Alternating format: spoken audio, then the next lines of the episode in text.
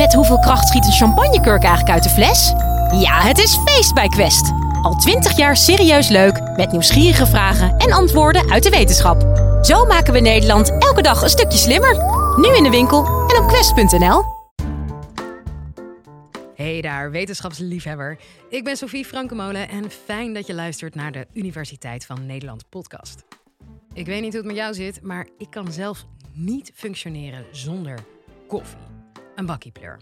Kan hartstikke gezond zijn, vertelt voedingswetenschapper Ellen Kampman van Wageningen Universiteit je in dit college. Maar daar zitten nog wel een paar haken en ogen aan. Veel plezier! Dit is de Universiteit van Nederland. Ik wil dit college graag beginnen door je wat uitspraken te laten horen over het drinken van koffie. I stopped drinking coffee seven years ago. And in this video, I'm going to talk about why. Reason number one it made me lose my appetite. And I love food, I love eating. Dus het is nu half twee op een zondag. Normaal had ik nu mijn tweede kopje al op. Ik ben kapot.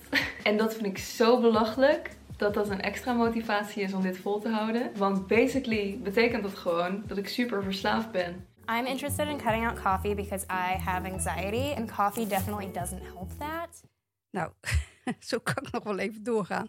Koffie drinken na twee uur 's middags is ongezond. Het onttrekt te veel vocht uit je lichaam. En het veroorzaakt hartkloppingen. En dat is zomaar een greep uit een paar fabeltjes over koffie die je kunt tegenkomen op het internet.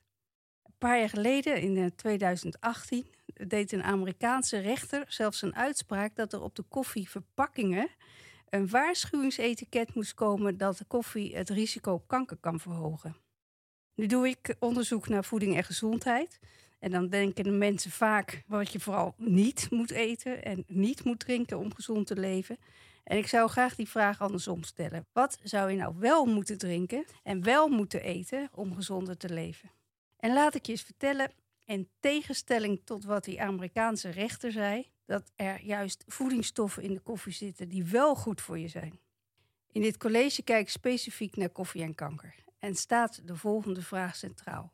Helpt het drinken van koffie tegen het krijgen van kanker? Inclusief een paar handige tips over welke soorten koffie beter zijn voor je gezondheid. Dus let goed op. Want wie weet kom jij er zo achter dat je al jaren op de verkeerde en ongezonde manier je koffie zet of drinkt.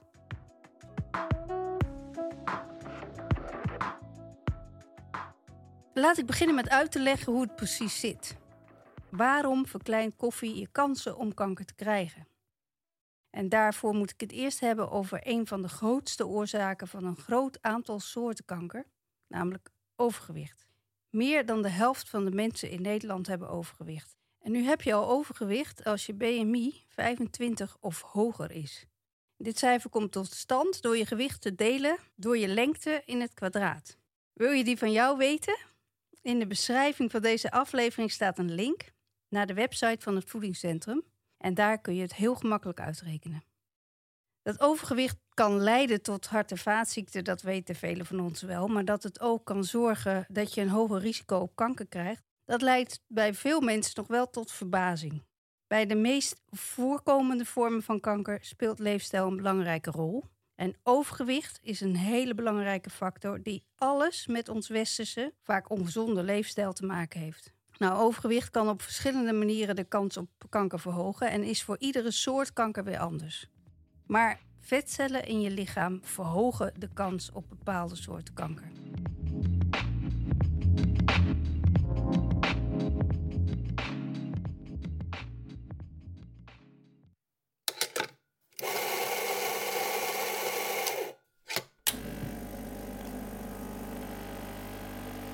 En nu denk je misschien, nou, dat is interessant allemaal, maar we gingen het toch hebben over koffie?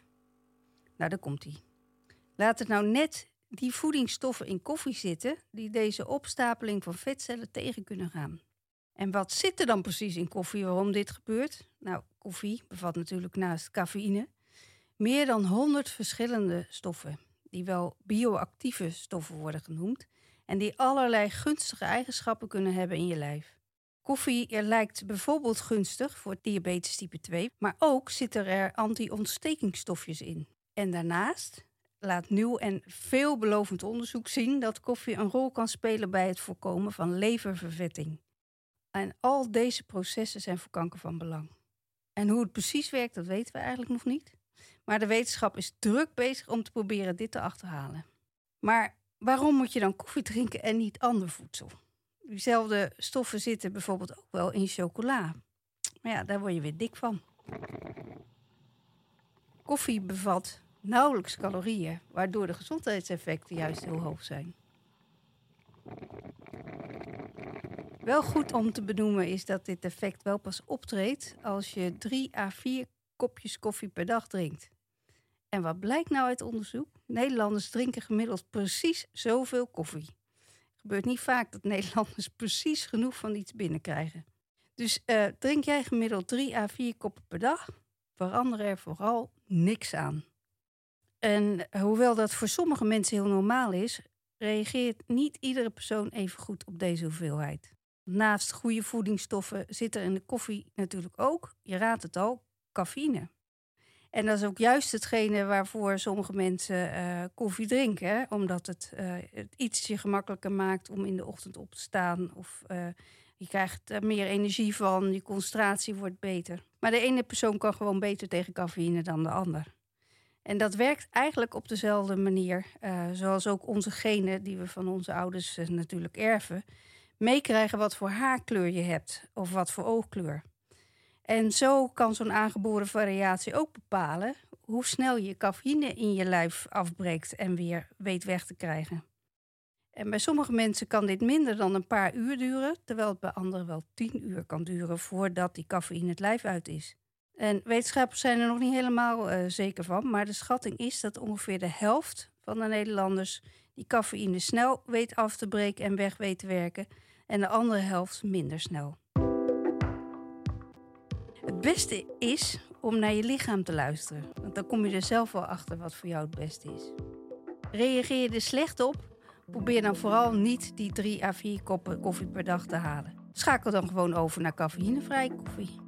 Die bevatten nog steeds diezelfde goede voedingsstoffen.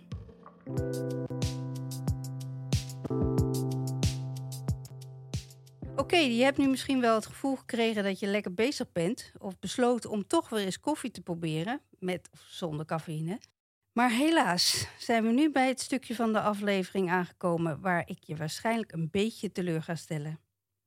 Er zitten namelijk wel wat haken en ogen aan dit verhaal. Want welke soort koffie moet je drinken om deze positieve gezondheidseffecten te krijgen? En misschien nog wel belangrijker, welke niet? Ten eerste zijn er door de jaren heen veel verschillende manieren bijgekomen hoe je koffie kan drinken. Begon ik zelf te merken toen ik nog in de Verenigde Staten werkte, zo'n 20 jaar geleden. En er ineens een grote koffieketen bij kwam. Jawel, de Starbucks. Nou, dit zorgde voor een grote boom in de koffieindustrie.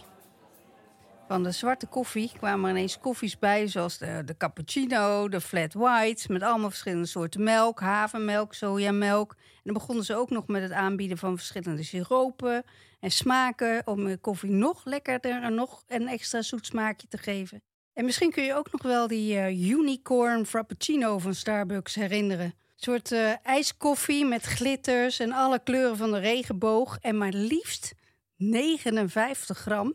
Dat zijn 15 suikerklontjes suiker. Dat zou je eigenlijk geen koffie meer mogen noemen. En al deze toevoegingen leiden dan wel weer tot die grappige koffiebestellingen zoals deze. Hey guys, what can I get for you? Uh, I'd like to get a large half calf scalded almond milk latte, four pumps vanilla, one pump cinnamon with an extra half shot, sweetened with agave nectar at 167 degrees with room for cream. Ja, dat klinkt natuurlijk allemaal wel heel grappig zo. Maar er zit wel een belangrijke nuance in mijn verhaal. Dat zwarte bakje koffie van vroeger heeft dus gedeeltelijk plaatsgemaakt voor koffie. Vol met suikers en vetten, die ervoor zorgen dat die positieve gezondheidseffecten van koffie ongedaan worden gemaakt. Die vetcellen kunnen zo niet worden afgebroken door die voedingsstoffen in de koffie, maar die komen er juist extra bij. En dan nog even heel kort, die cappuccino's en die lattes, die zijn toch niet zo schadelijk als de hierboven genoemde suikerrijke koffies. Maar vaak wordt voor cappuccino's en lattes volle melk gebruikt, maar soms wel gezoete melk. Je hebt niet altijd door dat in die verschillende cappuccino's door die hoeveelheid vet en suiker er al heel veel verborgen calorieën kunnen zitten.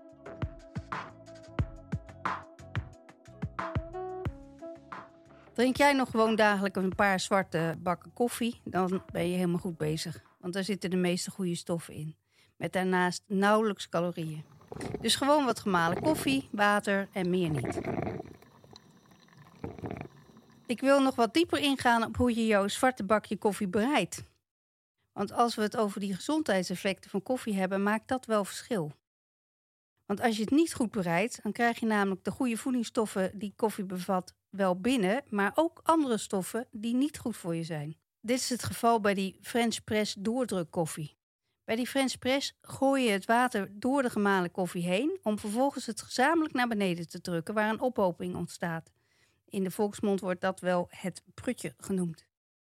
Dit houdt eigenlijk in dat die koffie niet goed gefilterd is. En in deze drap kunnen vetdeeltjes zitten en de stofjes KWO en kaffestol. En als je daar te veel van binnen krijgt, dan kunnen deze stoffen het slechte cholesterol in je bloed verhogen. Zogenaamde LDL-cholesterol. En dit kan je risico op bepaalde vormen van hart- en vaatziekten verhogen. De beste manier blijft toch die ouderwetse filterkoffie. Je hebt gemalen koffie in je filter, het uh, water loopt er doorheen en het houdt de ongezonde vetten tegen, die wel in het prutje van de French press koffie zitten. Waar meer van die gevaarlijke stofjes in zitten, maar nog niet te veel, zijn de koffiepads en de oploskoffie. Waarvoor je wat meer moet gaan opletten zijn de espresso's en de koffiecups, waar meer in zit.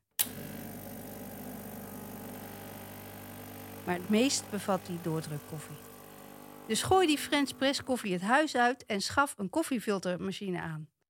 En gelukkig zie je dat in de koffiewereld het ook wel steeds populairder wordt. Denk maar eens aan die cold brew in de zomer, die ijskoffie.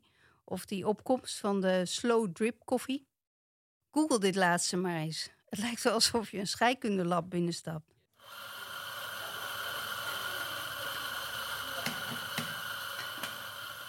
Om af te sluiten. De wereldbevolking krijgt steeds vaker te maken met overgewicht en dus ook met kanker.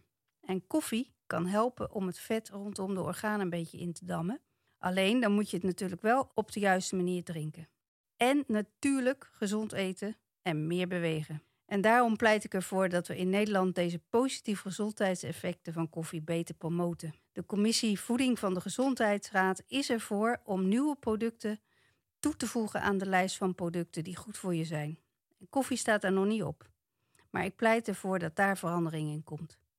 Gelukkig toont wetenschappelijk onderzoek keer op keer aan dat koffie goed voor je is. Dank voor het luisteren. Dat was Ellen Kamman. Ik hoop dat je hebt genoten van de aflevering. En wil je nog even verder luisteren? Check dan vooral de rest van onze playlist. Want we hebben nog veel meer colleges voor je in de aanbieding. En er komen er elke week twee bij. In de volgende aflevering hoor je een hersenwetenschapper over spookgeluiden. Tot de volgende!